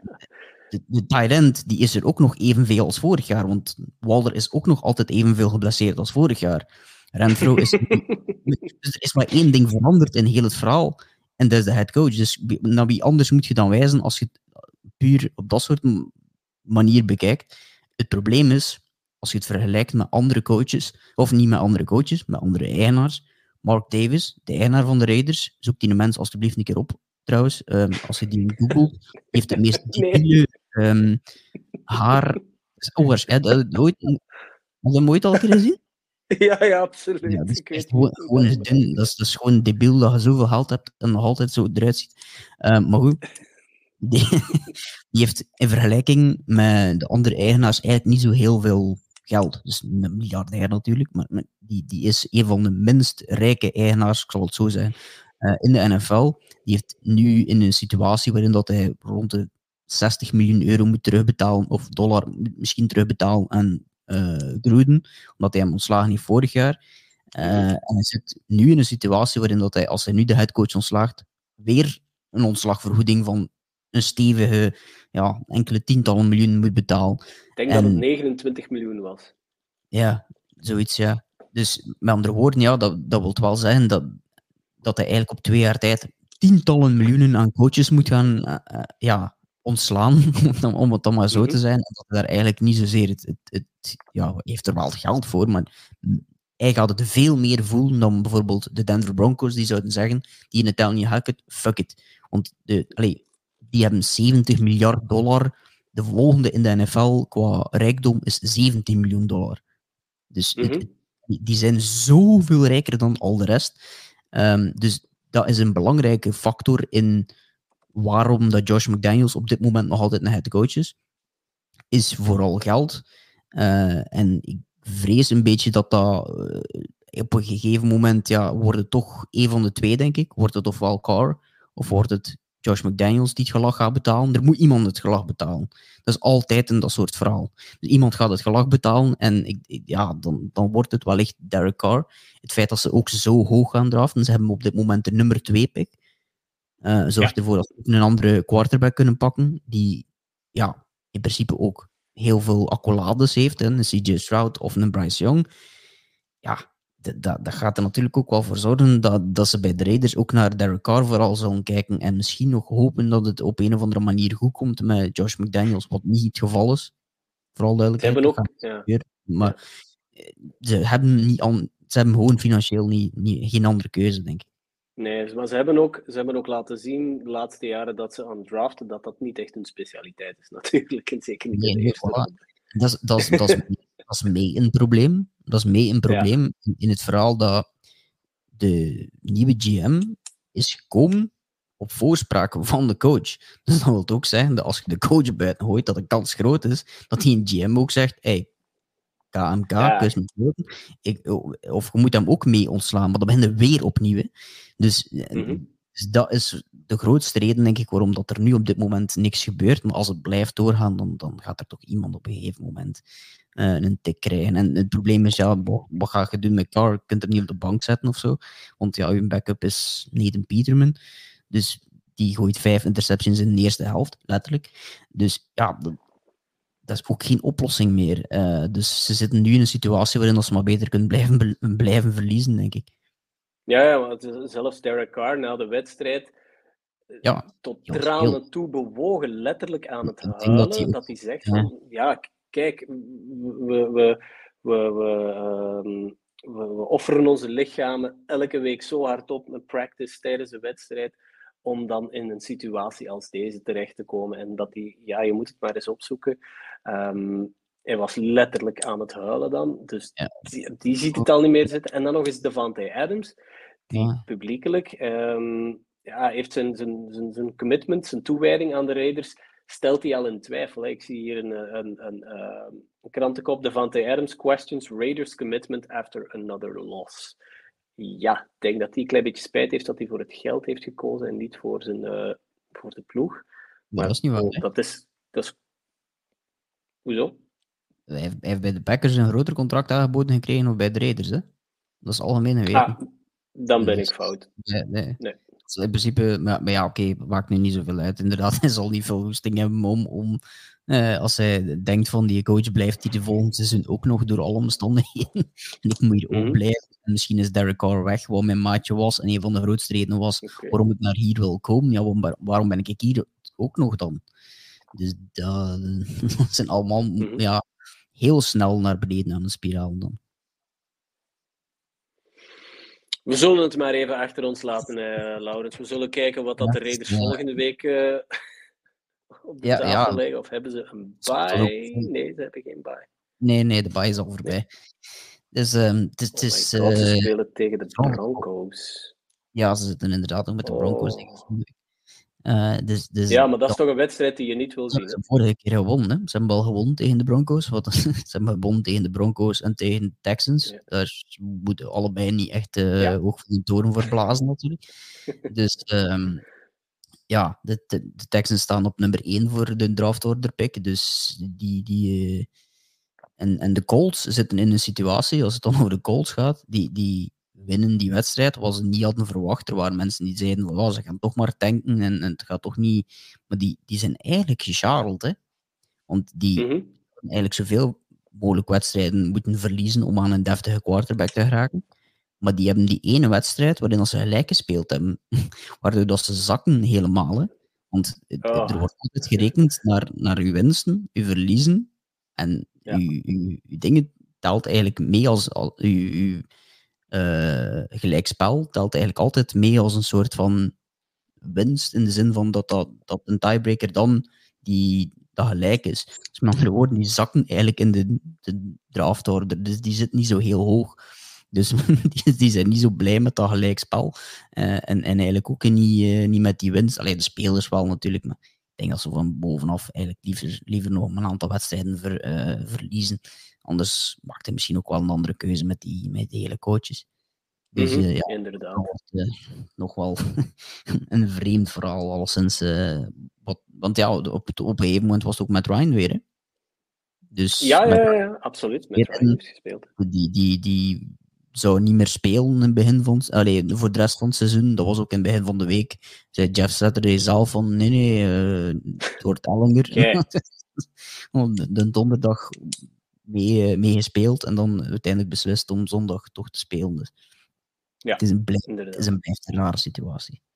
Absoluut. De Rams die uh, verliezen Cooper Cup uh, met een high ankle sprain in het verlies ja. tegen de Cardinals. Dus bij de Rams, dat is ja, toch een van de grootste drop-offs van de laatste jaren als een, als een Super Bowl uh, kampioen. Ja. Dat is een team dat all in is gegaan, maar waar dat dit jaar niks lijkt te lukken ook niet. En dan ook nog eens je je, je top wideout gaan verliezen, dan weet ik niet naar waar dat ze de ballen gaan moeten gooien als met Stafford niet tegen de grond ligt natuurlijk. Want nee, dat... Ja, uh... dat, vooral, hè. Je hebt het gevoel van, van ze hebben het een aantal jaren ja, hoe moet ik het gaan zeggen, bijna een luchtbel kunnen, kunnen doen, alles, om, omdat ze met die, die heel erg creatief konden omgaan met die, die salary cap.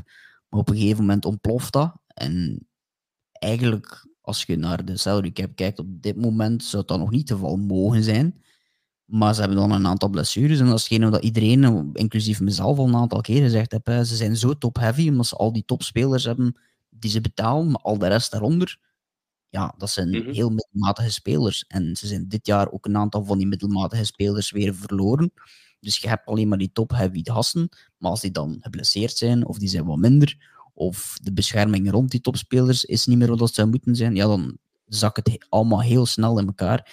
Dus ja, het is voor mij vooral benieuwd als dit scenario zich verder uittekent, hoe lang dat gaat duren voordat Sean McVay ergens uh, in een televisiekotje zit. Dat gaat ook niet lang ja. niet meer doen, denk ik. Dus, ja, uh, hij heeft toch al ervaring met uh, reclame te maken voor chunky soep. Dus, uh, ja, maar hij heeft, heeft aanbieding gehad. Hè. Hij heeft, heeft dit seizoen getwijfeld tussen stoppen met coachen en naar de TV-booth gaan, of, of nog verder te coachen. Dus ja, dat is ook ja. allemaal wel een, een, vreemd verhaal. En met Aaron Donald gaat het ook niet zoals het zou moeten gaan dit, dit seizoen. Hij speelt nog altijd wel zijn wedstrijden, maar je ziet ook dat iemand van 30 jaar die 8, 9 jaar op topniveau als defensive tackle speelt, dat het op een gegeven moment ook minder is. En ook iemand die eigenlijk misschien aan het denken was om op pensioen te gaan, ja, hij merkt dan ook wel, zeker op dat soort fysieke positie, is geen goed idee hè, eh, om dan verder te spelen, want dan zie je dat het niveau toch minder is. Nee, ça va.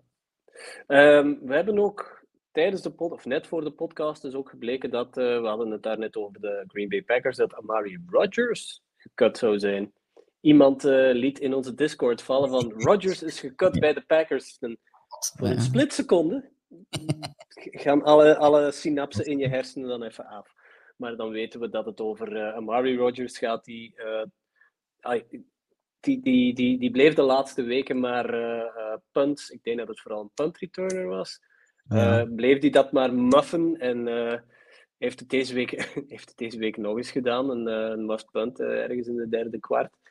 En ah. dat, ja, dat, dat, dat betaal je op den duur uh, cash gewoon ook. Hè. Als je je special teams, die al niet goed bezig waren, uh, die van de Packers, als dan ook nog eens je, je punt returner uh, te pas en te onpas de bal gewoon laat vallen. Want in de tweede helft was, het, was het al een andere speler, was het, was het Keyshawn Nixon die, die de, de ballen terugliep. Dus dat was een duidelijk signaal van ja, um, ja, ga jij die boter maar eerst van je handschoenen afhalen en wie weet praten we later dan nog eens.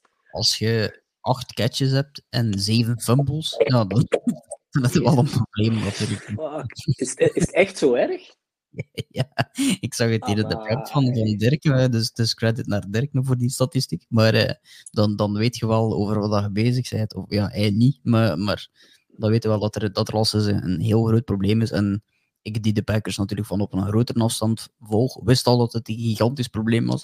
Dus als je dan er fan van bent, dan, dan elke punt, dan zit je op je, op je kivief. En de tegenstander ook, want die weet dat ook. En je eigen ploeg ook, dus dan je er altijd van die rare dingen.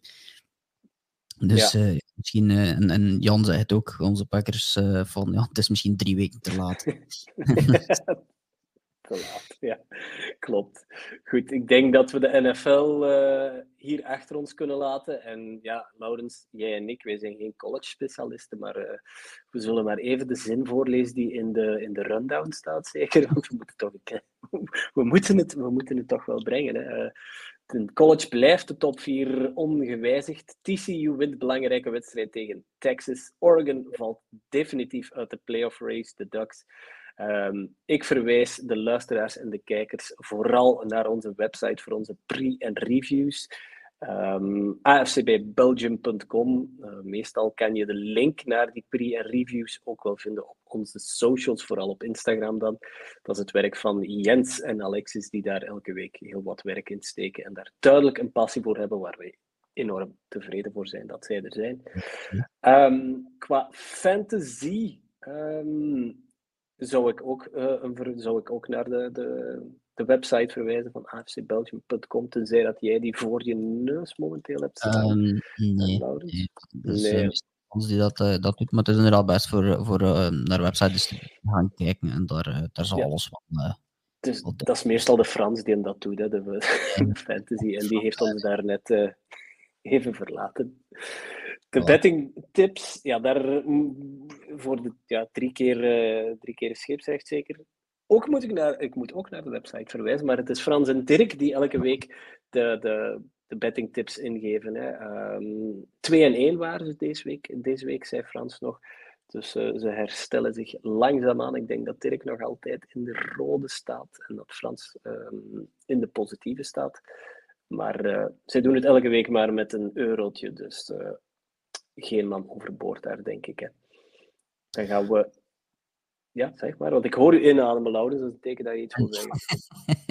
nee, nee. Ik wou, ik wou zeggen, ik heb eh, ook nog onderaan uh, nog eens uh, afcbelgium.com laten lopen in, in, in, in, beeld, zodat de mensen ook nog eens wisten welke website dat, dat juist was. Niet dat ze het niet zouden weten, denk ik. Maar naar, ja. naar daar kunt je, kunt je zeker terecht, zoals, zoals altijd dat wil ik. Ik luister heel veel naar de Pixix podcast van, uh, van CBS met, met, met Will Brinson daar. Uh, en die zegt altijd, uh, dat zit in zijn DNA ingebakken van if you're watching on YouTube or on Facebook, smash the like button, like, subscribe, put on alerts. Dus moest je aan het luisteren ja. zijn, ja, smash that like button zou ik zeggen. Ja, ja, ik zie dat er al, dat er al drie zijn geweest die het hebben gedaan.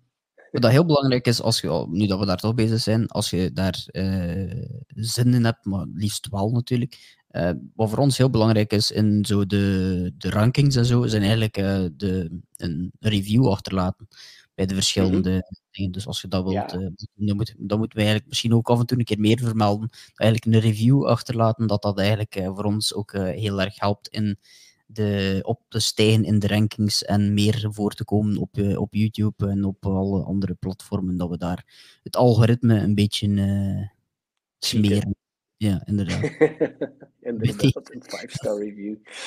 Uh, Dirk, die zit in de comments en die vraagt: Is het al gedaan of wat? Ik, ik, ik Dirk, uh, de uitzending is nog bezig, dus uh, nee, Dirk, we zijn nog bezig. Ik weet niet waar, ik, waar dat hij het van haalt.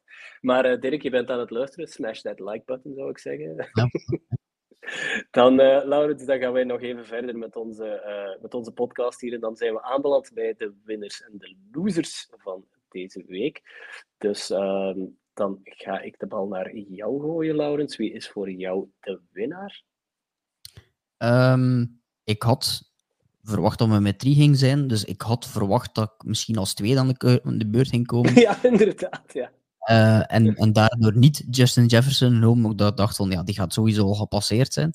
Maar aangezien dat ik de eerste ben, kan ik, uh, kan ik de, de, de backup uh, laten voor wat dat is. en, mhm. en gewoon Justin Jefferson kiezen voor de, de, of, allez, de duidelijke reden waarom. Uh, de catch, ook gewoon de manier waarop hij die wedstrijd op een gegeven moment in handen neemt, uh, letterlijk en figuurlijk. Uh, ja. En, en mijn, mijn, tweede keuze was, was Devin White, die ook een mooie wedstrijd speelt in Londen, maar vooral eigenlijk voor het verhaal erachter. Die is Duitsland. eigenlijk vertrokken. In, in Duitsland, ja.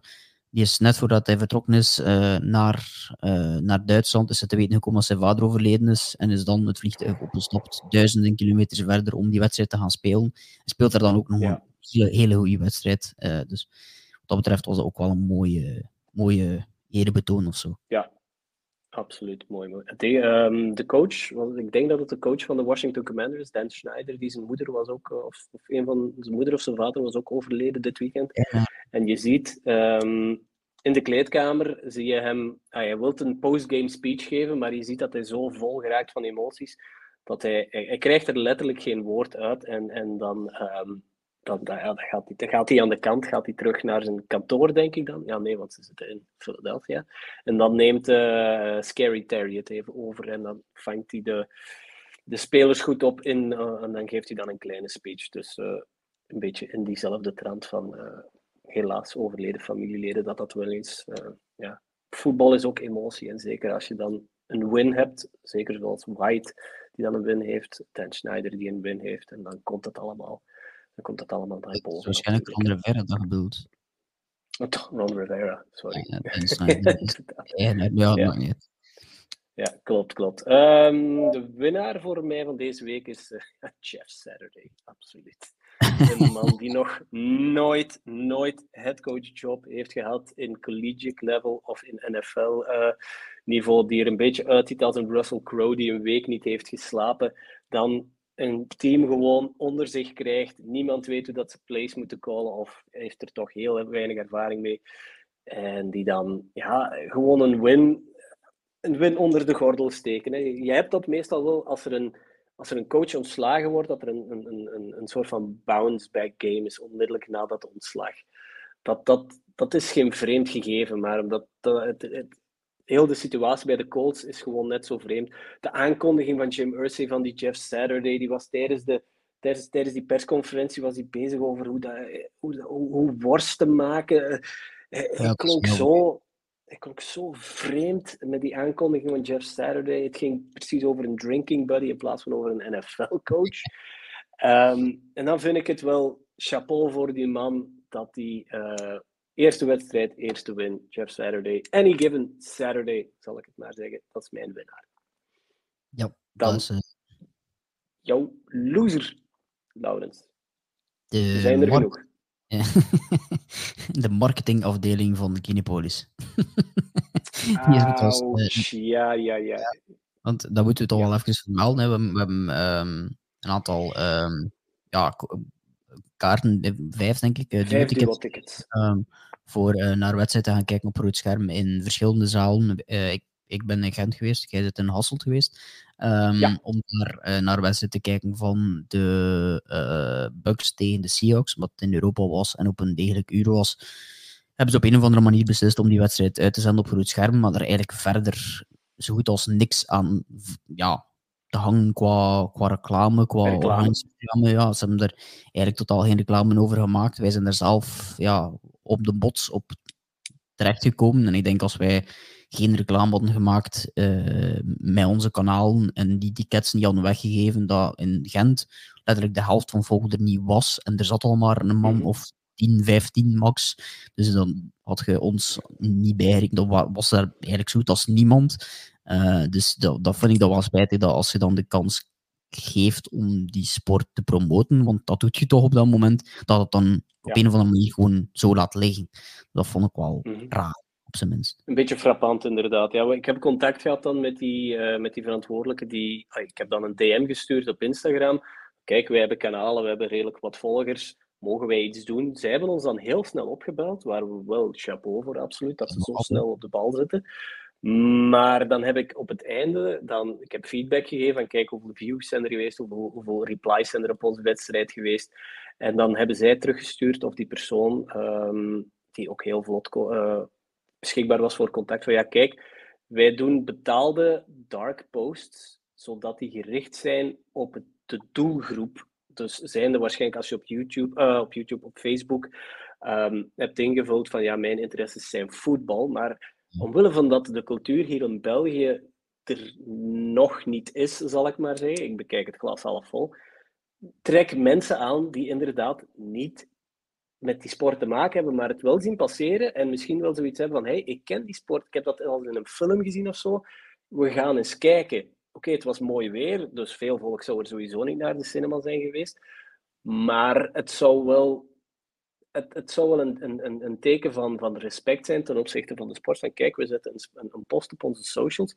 Want Kinepolis, zij posten niet heel regelmatig, zal ik maar zeggen. En het zou er niet misgestaan hebben. Niemand zou daarover geklaagd hebben. Moest daar een post over American football staan. En uh, mijn tweede punt is van, stuur gewoon alle clubs in België. Het zijn er denk ik een stuk of twintig. Maar dan vooral aan de, aan de, uh, de Nederlandstalige kant dan, als je Um, ja, het, het, waren de, de Kinepolis in Hasselt, Gent, Brussel en Antwerpen. Stuur al die clubs gewoon één berichtje, één mailtje. Gewoon zet ze allemaal in één mail. Dat is letterlijk één mail dat je moet sturen naar die clubs. En ik garandeer je dat er van elke club minstens een man of vijf komt kijken. De, de, de Limburg Shotguns zitten in Beringen. De, Hasselt, uh, de, de, de, de cinema van uh, Kinepolis is er eentje in Hasselt dan heb je gegarandeerd mensen die van die club gaan komen kijken. Dus dat is voor mij inderdaad ook een tip naar Kinepolis toe. Moesten ze luisteren, het zou heel fijn zijn natuurlijk. Um, de volgende keer als jullie zoiets doen, heel fijn dat, dat, dat ze doen. Maar de promotie en de marketing kan veel, veel beter. Ja, inderdaad. Dan moet ik mijn loser nog geven. En dat is, zijn de cleats van de spelers in München. ja, Want daar werd heel veel uitgeschoven op de echte grasmat van de Allianz Arena. Zelfs Tom Brady heeft eronder geleden. Die ging op zijn bek tijdens zijn, uh, tijdens zijn paaspoging of zijn receiving poging. En het werd van, ik denk van de kick-off return alleen al. Daar, daar, daar gleed, de, de, de kick-off return gleed al uit. En toen wisten we ongeveer al hoe laat dat het was. Dus dan vraag ik me af van hoeveel paar schoenen hebben die bij en hoe zijn die gebriefd over die grasmat? Van ja, oké, ja. toch. ik vind het een beetje vreemd eigenlijk. Het is alleen maar best dat, dat, dat, uh, dat WK voetbal is nu dat, uh, dat uh, Bayern München ja. een week later niet moest spelen, want ze zijn niet content geweest zijn, denk ik daar. Maar ja, het, is, het, het was inderdaad wel opvallend. ik vond vooral aan de kant van de Bucks. Ik, niet, ik mhm. vond het aan de andere kant nog wel redelijk meevallen. Dus misschien heeft er ook wel ergens iemand beter gebriefd bij, bij de Seahawks dan bij de Bucks. Maar het was mhm. ons opvallend. Alright. Dan kijken wij vooruit naar week 11. Uh, eh, we gaan eens kijken naar de affiches. Um, je hebt op Thursday night heb je op Amazon Tennessee Titans tegen Green Bay Packers. Maar Laurens, welke wedstrijd van week 11 kijk jij naar uit? Um, ja, ik, ik, moet zeggen dat vind het deze week niet echt super of zo. Uh, niet echt mm -hmm. super grote speciale affiches. Um, dus, dus ja, het zit niet echt iets bij waar ik op dit moment echt keihard naar uitkijk of zo. Um, maar waar ik wel ja, benieuwd naar ben, uiteindelijk dan toch, zijn de Cowboys tegen de Vikings. Ik denk dat dat op zich mm -hmm. wel uh, een van de late schedule wedstrijden is op uh, Sunday Night Football, om 10 uur 25 om precies te zijn. Eh, maar dat is denk ik de grootste affiche dat er is en ook wel de twee interessantste teams. Oké, dat kan, eh, daar, daar volg ik je zeker in. En dan is het inderdaad zoeken naar een uh, interessantere affiche. Je hebt op zondag om uh, 7 uur voor onze Cleveland Browns tegen de Buffalo Bills. Vind ik wel een, een leuke affiche eigenlijk. De Bills die terug moeten bevestigen. De Browns die een beetje aan een upswing bezig zijn. De laatste wedstrijd van Jacoby ja, van Jacoby Brissett, want dan is het inderdaad de terugkeer van de Sean Watson. Uh, daar sta ik niet zo voor te springen, maar dat heeft om ethische redenen. Uh, dat zijn ethische redenen. Maar je hebt ook wel de Chiefs tegen de Chargers als... Um, even kijken, is dat... Nee, dat is niet de, de, de, de primetime game. Chiefs tegen de Chargers vind ik ook wel een leuke anders. Dus uh, dat, daar wil ik voor gaan zitten, maar daar ga ik sowieso bij in slaap vallen, want anders gaat het dan gaat het wat laat worden, denk ik. Ja, inderdaad. Oké. Okay. Jan zegt nog Jets Pets. Ja, Jets Pets, ja. ja misschien een Dark Horse interessantere affiche. Ja. Klopt, Gerrit Jan. Goed, dan denk ik dat we aan het einde van deze 115e podcast alweer zijn gekomen. En we zijn begonnen met drie. We zijn geëindigd met twee, Laurens. Dus Laurens, ik wil jou vooral bedanken om erbij te blijven. Met veel plezier. De kijkers uh, die in de comments zitten, dat zijn er nog, dat zijn er nog enkele. Um, Peter de Stoop, dank u wel. En tot de volgende. Gerrit Jan zit er ook nog. Dirk zit er ook nog, die ook nog uh, wilt laten weten dat de, zijn winnaar Tua is. Tua als MVP, zegt hij. Oké, okay, dan uh, dat noteren we. Gerrit Jan, dank weer heren. Tot de volgende. Ja. Goed, dus uh, kijkers en luisteraars, bedankt voor deze 115e podcast bij te wonen. En um, bij leven en bij welzijn zeggen ze hier in België tot volgende week.